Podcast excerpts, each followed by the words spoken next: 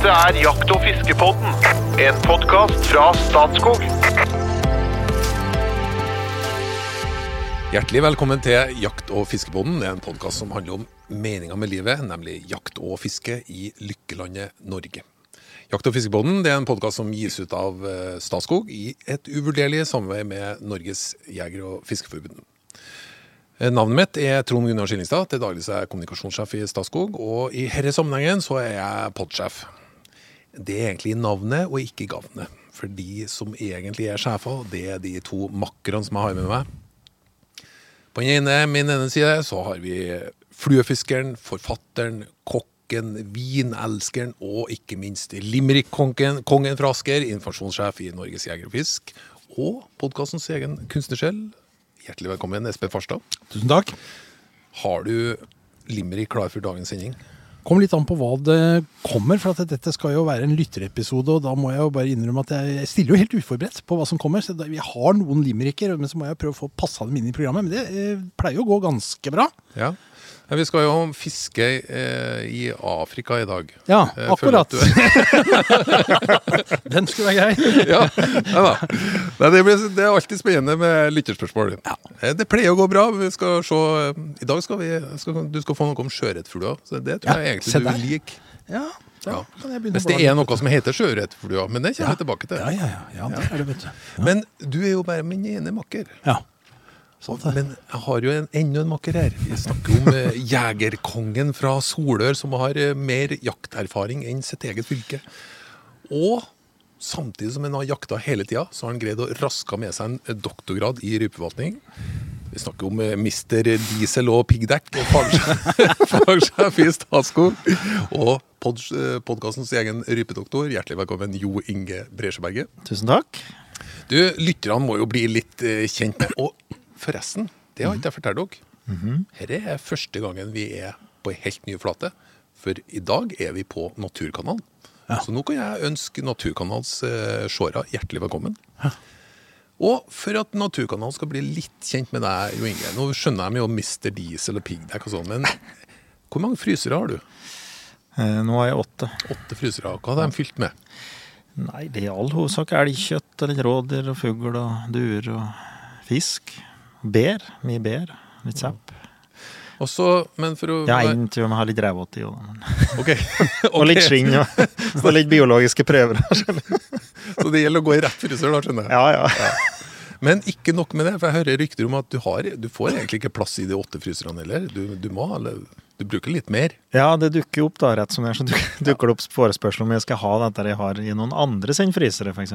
Det, det kan jo hende jeg har glemt òg, da, rett og slett. Men det er slik det, når, det, når det står på som verst, så må du jo ha frysekapasitet. Ja, Og da gjelder det å utnytte den som fins. det er sant. Ja. Hvor mange Hvor mye jakter du egentlig? Nei, jeg vet ikke om jeg skal si Det Det er ikke sikkert det tåler dagens lys. Nei, men det ja. Flere timer i uka. ja, opptil Ja, flere ok, timer. i uka, Okay. Ja. Nei, men det ligger eh, jo mot tresifra antall dager i året, da. Like cirka. Ja. Ja. Og du har ikke jakta bare i Norge, du har jakta i et par andre land òg. Ja. New Zealand, har du ikke? Ja, jeg bodde på New Zealand og jakter på New Zealand. Ja, er det. Og fisker litt òg, faktisk. Og apropos fiske. Mhm. Du datt jo i fiskegryta som liten. Veldig. Ja. Ja. Du, var, du var helt sånn Det var ikke noe vei tilbake, det. Nei, du, Historien er veldig enkel, for at jeg hadde en pappa som var lærer. Eh, og Det betyr to måneder sommerferie. Og så kom han fra Nordmøre og bodde på Østlandet, så han ville på en måte hjem. Så da reiste vi opp til en sånn eh, sommerhus vi har der oppe, og var der i to måneder. To måneder på Vestlandet, på gærne sida av fjorden, der hvor liksom vestaværet kommer inn og legger seg med tåke. Det, altså, det kunne regne jevnt i tre uker, altså jeg lover. Og da er det ikke så mye annet å gjøre enn å fiske. Og så holdt jeg på med dette, da. og Jeg syntes dette var storveis. Det var, det var jo et eventyr av en oppvekst. Ja. Og så tok jeg med meg det hjem, og omsatte det hjemme også. For det var jo fiskemuligheter overalt, ikke sant. Ja, ja. Sånn at eh, Nei, jeg har alltid vært en fisker. Og egentlig bare jeger i voksen alder, bare for å ha sagt det. For det, det var først når jeg begynte å jobbe i Jeger- og Fiskerforbundet, i en alder av unge 30 år. Ja. Så tok jeg jegerprøven og, og blei raskt veldig bitt av den basillen, for det er jo akkurat det samme. Fiske er jo det samme som jakt. ikke sant? Det handler jo om å være ute i naturen og høste overskudd og mestre og kunne og, og prøve seg og spenning og alt dette som vi snakker om. Nei, det høres veldig bra ut.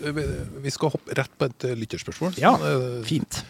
For vi har fått et eh, spørsmål fra Amund Båsland Syversen. Han er 13 år. Det syns jeg er veldig artig. da. Ja. Hei, jeg er veldig glad i podkasten deres og gleder meg til eh, hver gang den kommer ut. Jeg lurer på om dere kan si hvilke sjøørretfluer dere bruker om høsten og våren, og hvordan disse skal fiske. Han har en ting til, men eh, jeg tror jeg sender den rett til deg, Espen. Ja. Det er jo selvfølgelig et godt spørsmål, det. For at du, du bestemmer deg for å fiske sjøørret. Havet er stort, og stanga di er relativt kort. Og du går ned og tenker at det må i hvert fall være noe i enden som frister sjøørreten. Ja. Det, det er klart, ikke sant? Eh, hvis jeg skal få noen sånne tommelfingerregler Det fins jo et hav av fluer også. Eh, det er uendelig, egentlig, så det er nesten umulig å svare på. Amund, var det det du het? Ja, at. At, at dette var eh, det, det er litt vanskelig. Men du kan lage noen regler. Og det er Sjøørreten er jo en rovfisk som jager og spiser andre fisk. Det er i hvert fall en del av føden dens. Så på dagtid, hvis du er ute på dagen, så vil den jage typisk på sånn småsild, brisling-type fisker. De er, de, er, de er ikke så veldig store. Så, så, så lange omtrent, hva skal vi si, 5-6-7 cm liksom. I lyse farger, for det er på dagen. Så da er det liksom sølvblanke sider. Så, så hvite fluer, fluer med sølv i, som kan imitere en fisk. Og de skal du da fiske fort, for den fisken beveger seg ganske fort. ikke sant? Så jeg vil si, det, det er en sånn enkel, så midt på dagen, veldig fint å bruke eh, sildeimitasjoner, eller fiskeflueimitasjoner. da. Og så på kvelden så er det i hvert fall veldig mange steder, på, i hvert fall på vårparten, ja, nei, egentlig hele året, men mest på vårparten, dette med børstemark, da, som vi har snakka om før, ikke sant? og børstemarkfluer. Og de er helt annerledes, for da skal du jo etterligne ikke en fisk, ikke en rask fisk i vannet, men en treig mark nede ved bånn eller på grunne områder. Så den skal leve og bølge, sånn som du kan se for deg at en, en, en børstemark bølger seg inne på grunna. Jeg så akkurat en liten filmsnutt som det Som jeg, jeg du la ut en på. Yes. Facebook, ja, for jeg var, Ja. nede, jeg var nede, nede og prøvde sjøørreten, og der, der var det litt børstemark inne på grunna. Da, da ser du, så hvis Du kan bare gå på YouTube eller et annet sted og lete opp en sånn film om børstemark, så, så vil du med en gang skjønne å ja, ok, så den, skal, den, er liksom, den er veldig buktende og bevegende.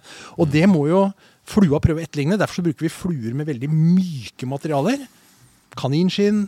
Eh, marabou, som er en sånn storkefjær. Det- det- Dette kjenner man til i, i, i flue, flueverden. Og så skal den fiskes sakte. For denne beveger seg ikke lynraskt gjennom Nei, vannet. Denne beveger seg helt- sakte. Ja. Helt. Så det er egentlig litt sånn motsatt. Det går et skille der, sånn, og så går jo dette i hverandre. Og så må jeg nevne at det fins jo mye annet også. Blant annet så er jo sjøørreten veldig glad i sånne små tanglopper og reker og sånn. Så, så alle mulige sånne smågreier. Og da kan du jo tenke deg sjøl, da, vi skjønner du, Amund, at da må du fiske dem sånn som de beveger seg. Og hvordan beveger reker seg? Jo, de hopper jo gjerne ofte bakover, litt sånn rykkvis, ikke sant? Eller beveger seg litt sånn smått, og så stopper de opp litt og synker litt, og så hopper de litt igjen. Du må prøve å etterligne dette her, da, vet du. Så får du sjøørret. Tøft. Og jeg tenker jo, Det er et tips da, til han at han ja, Det ligger jo eh, mye på, på nettet i dag, da, ikke sant? Eh, Og jo skrevet, da, så det er mulig å lese seg opp litt og så tenke som en sjøørret. da. Her, ja. er sjøørreten i løpet av døgnet, og her er det han går etter. Her er det en eter, ikke minst. Og så prøve å etterligne det, og så da òg studere her det er en eter. da. Altså Børstemarkhesten eh, agerer den, og det finner du da videoer på nettet, f.eks. Det er, det er godt sagt, Jo Inge. Tenke som en, tenke som en sjøørret. Ja. For det, det har vi snakka om før, husker jeg. At når, når vi går i skauen og vi ikke finner noe orrfugl når vi er ute på støkkjakt, men da må vi tenke som en orrfugl eller en tiur. Ja. Du må ete krekling, sier jeg. ikke sant? For at du må på en måte inn i dens verden. Ja, Litt sånn er det her. også. Du må inn i sjøørretens verden. Det er helt riktig. Det, det var egentlig veldig, veldig spennende og veldig konkret. Ja. For vi har jo hatt noe sånn Vi har uh, Rydgrens 12 utvalgt osv. Så, videre, så vi, vi har jo vi har snakka en god del om imitasjonsfluefiske og utvalgte Men der var det jo egentlig veldig konkret på sjøørreten. Ja. Eh, når, når starter det cirka?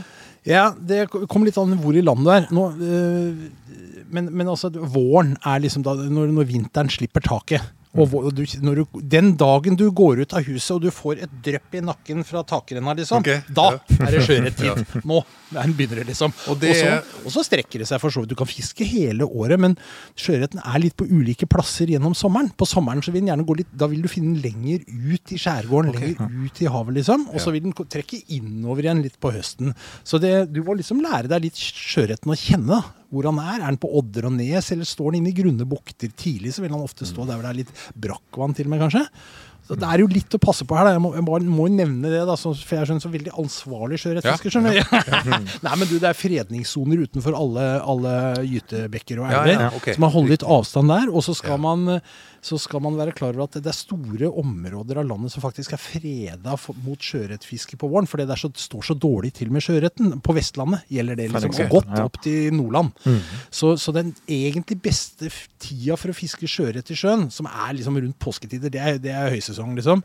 Da, da er det faktisk ikke lov å fiske disse stedene. Så det må man Nei, være klar over. ok. Ja. Så derfor må man undersøke lokalt. Det kan være litt sånn lokalt uh, hvordan dette her er utforma, men øh, følg med på det. Så vi snakker Østlandet, Sørlandet, og så er det egentlig mer eller mindre et hopp opp til Troms og Finnmark? da, eller? Ja, på akkurat den vårfisket, ja. Ja. Men så er det jo utover sommeren, så åpner det jo opp. Og, okay. og, og kveldene og høsten og ja da. Så det er muligheter. En tid på døgnet, kan jeg spørre om det? Ja, nei, altså Som jeg sa, du kan fiske både på dag og du kan fiske på, på natt, egentlig. Og Ja. vi, vi har hatt mitt beste sjøørretfiske har egentlig vært på natta. De, de, når jeg var ung og ivrig og hæla å stå ute klokka ett på en onsdag, liksom, fordi det var fine sjøørretforhold. Nå orker jeg jo ikke det. Men, eh, men, men Mats han var 13 år, og han har jo heller et langt sjøørretliv foran seg. Han kan jo bare glede seg. Det kan jo bare sitte der. Dette blir bra. Eh, nei, du kan fiske både dag øh, og natt, men ofte så er det skumring kveld akkurat idet det slår til. Det er veldig hot, for at da, da Du vet, fisken er på jakt etter mat, og så må den samtidig ha ly. Altså Den må ikke eksponere seg for sånn at den kan bli tatt av andre. Sånn at når mørket kommer, så får den ly. Og det er mye mat inn på grunna, så da trekker den veldig tettere, tettere opp til land. Ja, da. ok. ja, ja. Jeg kjenner, at, jeg, kjenner, jeg kjenner at jeg får lyst til å dra på fisk med en gang! Og det, er det han må lære seg, da. Her er Ja. tiden han går inn. Og. Amund, du må huske på å sende oss eh, navn, adresse og til og med et mobilnummer, sånn at vi får spore en sending. For det du får, da, det er en T-skjorte som er særdeles eksklusiv. Det er faktisk helt umulig å kjøpe den for penger. Det er T-skjorta vår med en gammel gammeltiur, som det står i Jakt- og fiskebonden'. Når vi har fått uh, lytterspørsmålet på lufta, så får du T-skjorte. Husk å sende oss beskjed. Vel fortjent. Absolutt. Og her har vi en 13-åring som virkelig er ivrig. Så det Ja, jeg tror jeg er. Det er bra, det. Ja. Veldig moro. Eh, Men vi skal over til Espen Nygaard. Eh, Han har flere spørsmål. Jeg skal hoppe til et spørsmål om haglepatroner. Oi, ja. Da, da begynner du å være på hjemmebane, Jo Inge. Eh, eh, hvor stor forskjell kan haglepatroner i 1270, 1276 og 1289 utgjøre ved felling av større dyr, som f.eks. rådyr og bever? Kan dette på noen som helst måte kunne sammenlignes med forskjellen på 6,555, 308 og 3006? Eh, Jeg tar hele. Kunne dere også sagt noe om anbefalt haglstørrelse på dyr som rådyr, bever, rev, hare, kråkeflue og due? Vi kan ta det siste etterpå. Ja. Eh, haglepatroner 1270, 1276, 1289 Ja. Ja, det var, det var sikkert eh, noe du kunne snakke om i tre døgn, men la oss Ja. tilpasse det til formatet. Ja, ja, for all del. Eh, og det, det han refererer til, er jo da kammerlengden av lange der patronene er, da. Eh, 1270, nå har vi jo Vi har vel vært inne på det i en tidligere episode, at du ikke, Ja. ikke skal skutte 1276 i 1270, for det går faktisk an. For det gjorde han. Ja. Ikke det? Riktig. Ja. Da vil du kunne få vi har, eh, Og han har ei hagle som tæler veldig høyt trøkk. er en veldig ekstremt solid hagle, men ja. det er ikke anbefalt, for det, det kan jo gå galt, da. Men er, er de 7 cm lang? Ja, 7 cm, 70 mm lang. Okay. Ja. Men av en eller annen merkelig grunn da, så går da en 76 mm patron går i kammeret på en 70 mm hagle, liksom Espen hadde. Det er faktisk veldig rart. Det går, går helt fint, faktisk. Ja. Men det er mer krutt her, da. Eh, ja. Vi kaller det magnumladninger, da. Ja. Så at det er jo mer krutt. Eh, Det er plass til mer krutt og mer hagl. Så du kan få en tyngre ladning og mer hagl, sånn at du da potensielt kan få noe mer fart. da. Det er jo Farten er jo kritisk på eh, vår. For du, den mister jo en Du sender ut altså, nesten som en kanon. Du sender ut en gjeng med små kuler i pass Det er ikke noe veldig høy fart, vel? Mellom 350 og 450, kanskje.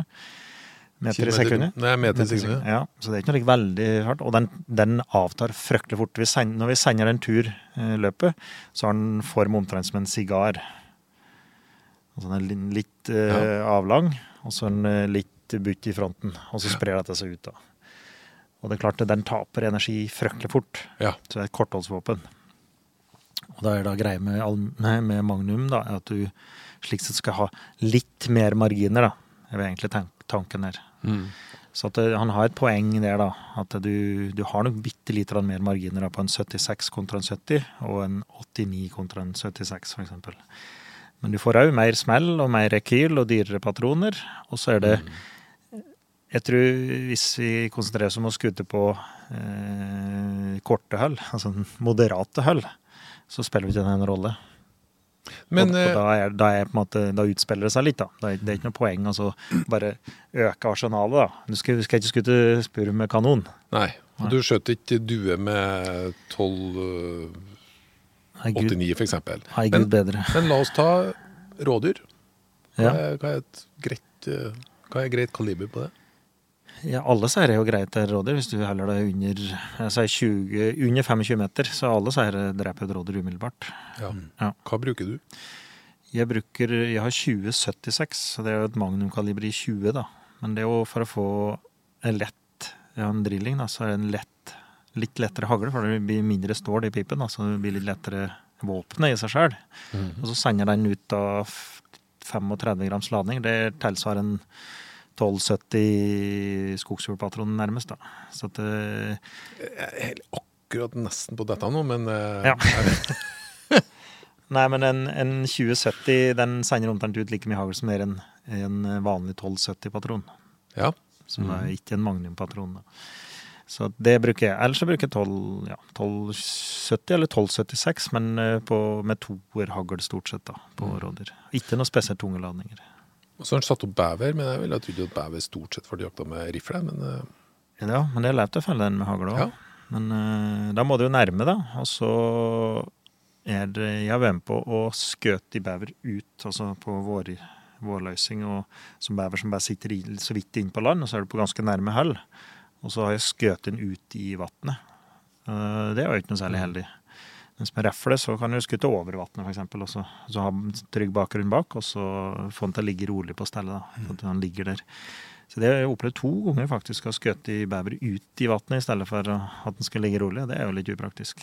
det jeg lurer på nå, hvis jeg prøver å, prøver å være litt ettertenksom, er det sånn at du tenker at 1289 i all hovedsak skal være unødvendig fordi at du skal skjøte på kortere hold? Ja. Så, så 1289, da, da Nei, legger du opp finnes, til kun men så finnes det. det litt, så finnes det, det finnes jo noen situasjoner hvor det, hvor det kan være gunstig. Eh, der hvor det kanskje er eh, litt vanskeligere å være helt presis på avstandsbedømminga. Da tenker jeg f.eks. type gåsejakt uten bakgrunn, eller sjøfugljakt.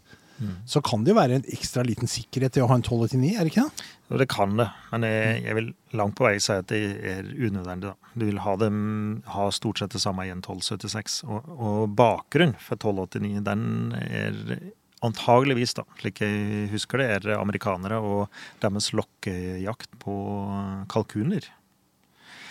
Da har de en okay. lokkefugl, og så sitter de med en lokk, og så lokker de kalkuner inntil seg på ganske nærme. Og de er ganske, hardskutte, det er ganske store fugler. Eh, og så så de behovet for å ha litt kraftigere skyts, og ofte få hagl og litt kraftigere skyts. Så hvis ikke jeg husker galt, så tror jeg det er som er bakgrunn for den utviklinga til 1289. Da. Og du får òg 1089. Det er enda grevere. Men da begynner det å bli ganske heftig skyts. Så det altså. er en del å velge mellom, så man må, man må gjøre noe valg. Ja, ikke det er ikke sant. Og så bare før du tar de vanskelige valgene Du skjønte overgangen? så er det jo ikke ubetydelig brukt å hagle i både forsvar og politi. Så det kan òg tenkes at noe av denne utviklinga dere før. Ja, ja, ja, ja, Det er jo et kortholdsvåpen, da, ikke sant. Ja. Men det er vanskelig valg, ja. Ja, og vi har jo da tilfeldigvis en fast spalte som heter Valgets kval. Eh, her har vi faktisk fått hjelp av noen lyttere, men eh, nå skal Jo Inge svare først. Tenk at dere er på jakt og er nødt til å velge én ting. Alltid gå med slalåmstøvler, eller alltid gå med buksehansker. På jakt. Ja, det er Ja, er jeg må gå med slalåmstøvler. Jeg får ikke gjort noe med boksehansker. Nei. Helt uaktuelt. Nei, det, det, var- ja.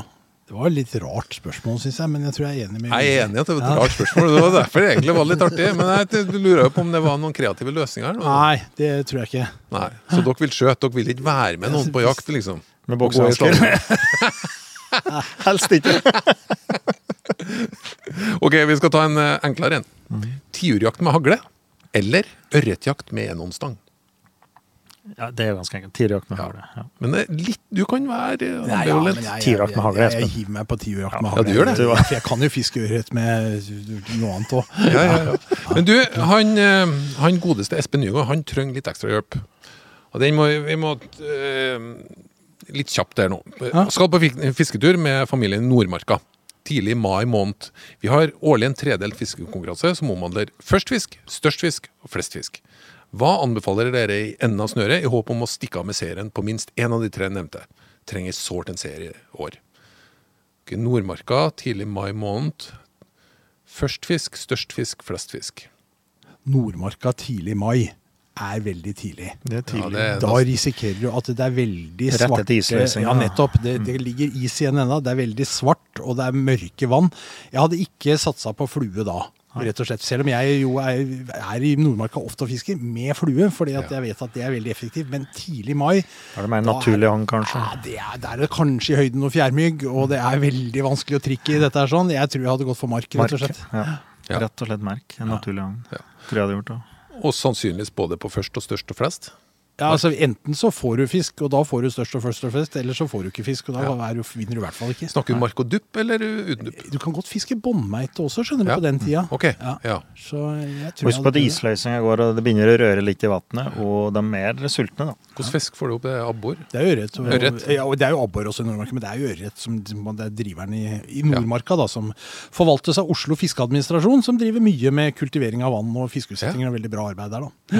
Nei, Du, jeg må snike inn en limerick her, jeg nå, vet du, fordi at, eh, fordi at eh, ja, jeg altså, trodde nesten ikke den skulle komme nå, men Nei, eh, altså som du så riktig sa, litt feil uttalte kanskje, fordi du sa det for første gang så er vi på Naturkanalen. Naturkanal 1. Altså det er noe med betoningen her sånn. Ja, ja. For det skal gå opp i rimet, skjønner du. Oh, ja. Jeg syns det var litt spesielt at du tok meg på akkurat det. Ja, nei, ja, men jeg, skjønner. jeg tar deg jo stort sett på det jeg kan. Men eh, den, den heter eh, den, eh, den heter Den limericken her heter 'Kunnskapsinnhenting og endringsvilje'. Litt fremmed for deg, kanskje, men altså vilje til å tenke nytt, da. Og vi snakka om en lang tittel på en limerick. På en limerick, ja. ja. Nå er vi spent. Det er bra. Eh, en kunnskapssugen friluftsdame fra Skien fant tidligere sin friluftskunnskap i P1. Den tid er forbi, men hun fant et annet encyklopedi. Hun bruker Jakt- og fiskepodden på Naturkanal 1. Å, så, så perfekt! Og så første episode på Naturkanal 1 og greier og greier. Sånn er det. Nei, det er helt utrolig. Nei, du imponerer stadig vekk. Det er hyggelig, Trond Ja. Gunnar. Ja, Syns du er flink, du òg, jeg. Nei, jeg er jo klar for en, et lite fenomen Ja. før, vi, før vi begynner å nærme oss landing her nå. Er eh, eh, Gard Harald Skjelstad. Han lurer fælt på dette med Ja, eh, han lurer fælt på noe innbyggs og utenbyggs og hunder og greier, men jeg hopper over det. For at vi, Det er en episode over for seg sjøl. Ja, for det vet jeg er litt vanskelig. Ja. Men det vi skal eh, Når han er når han er ute på jakt, så har han opplevd ganske mange ganger at både på rype og årfugl at han har opplevd, opplevd at påskutt fugl flyr rett opp i lufta, og så blir stående helt i ro før de detter død ned igjen. Så han, han har hørt snakk om at det kan være skudd i lunge som gir den litt underlige situasjonen. Vær så god. Er det noe dere Jeg- har opplevd? jeg- jeg, jeg må- du skal få svare på det, for det, det hører til din verden. Jo, men jeg må bare fortelle, for at det, første gang jeg skjøt ei røy, så skjedde dette. Ja. Så jeg trodde nesten det skulle være sånn. ja. Nei, men det var, det var sant. Jeg skjøt, Det gikk opp ei røy, og, og jeg skjøt ei røy. Ja. Uhut. Vi kaller det ikke å stupe, vi kaller det å tårne. Tårne, ja. Riktig. Ja, fant, han, den flyr litt sånn i sirkel, rett opp. Veldig rar oppførsel. Mm. Denne, jeg skyter, fuglen tårner rett opp, høyt òg, vet du. 20 Mm. Går rett meter opp, sikkert, eller? ikke sant? Og så plutselig klapper den sammen og går rett ned. Og han kameraten min, som er en sånn ihuga eh, skogsfugljeger og gammel indianer, han, eh, han sa den traff du i huet, sa han. Å ja, ok. Ja, det var hypotese nummer Ja, to. Hodet. Ja, det, og det er jo det- Fasiten er Det er jo et begrep der, da, å tårne. Ja. Og det, det er akkurat som Espen sier. Men Det forundrer meg at han har sett det mange ganger, og veldig ofte. For det, det er ikke det, da. Jeg opplevde det på duer, f.eks. Så skjer det jo over om over. Og, og jeg opplevde det på skogsfugler, som du ser, da. Men ikke veldig ofte, vil jeg ikke si oppdager det. Men eh, det er jo da et begrep, jeg lurer på om tyskere kaller det teile, eh, tårne. At det går rett opp og står, og kan òg stå og slå med vinga òg. Okay. Og så går det rett ned. Pang. Ja. Ja. Og jeg vet at jeg opplevde det på teppfuglejakt, altså skutt i fjørene. Og den er da ikke skutt i huet, men som er skutt i lungen, som har gjort det samme. Ja. Tårnet, og, og da er det antagelig så lenge det er, eh, er oksygen og, og blod der, altså tømmer den for blod, og så går det ned. Men det, det blir vel sagt at eh, i hovedsak er det treff i huet Ja. som okay. at de gjør det. Ja. Så at, uh, først og fremst er ved hudtreff, men det kan jo ikke være ved lungetreff. Så det er nok riktig. Nei, Gard Skjelstad, da fikk du både bekrefta at det er flere som har opplevd det, og det er Ja, ja. faktisk et fenomen, og så er det sannsynligvis et hodeskudd, men litt usikker på hvorfor det blir jo oppførselen den da. Jeg foreslår at du stikker et høl i den T-skjorta som du sender til han med jakt- og fiskebåten, gjennom huet på den her. Han får den der egne Ja. tårna jakt- og fiskebåten-T-skjorta. Gard, du òg, selvfølgelig. Nå har du fått lytterspørsmålet på lufta, og da må du sende eh, på Messenger eh, info til oss, sånn at vi vet hvor vi skal sende fantastiske T-skjorter. Jeg skal bare se, altså, Til slutt så står det 'Med vennlig hilsen Gard Skjelstad'. PS. Jakter hvert år skogsfugl i Namsos og lader alltid opp med trønderrock i, veien- på- i bilen på veien opp. Det er nesten så jeg blir to, to T-skjorter, vet du.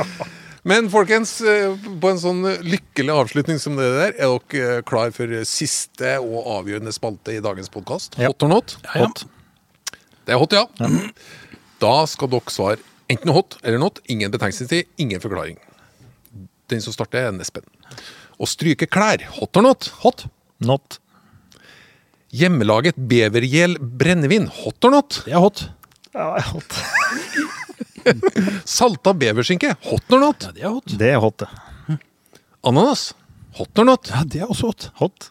Ok, jeg skal prøve å til. Legge inn jente. Ananas på pizza. Hot or not? Nei, det er ikke hot. Det er hot. Enig. det er hot. Gina colada, ja, men ikke på pizza, nei. Ja. Notatblokk i papir. Hot or not? ja, det er hot. Ja, det er hot. Ja.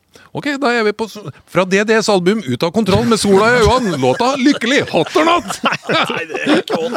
Kjempebra. Hot på begge to. Hjertelig velkommen tilbake neste uke.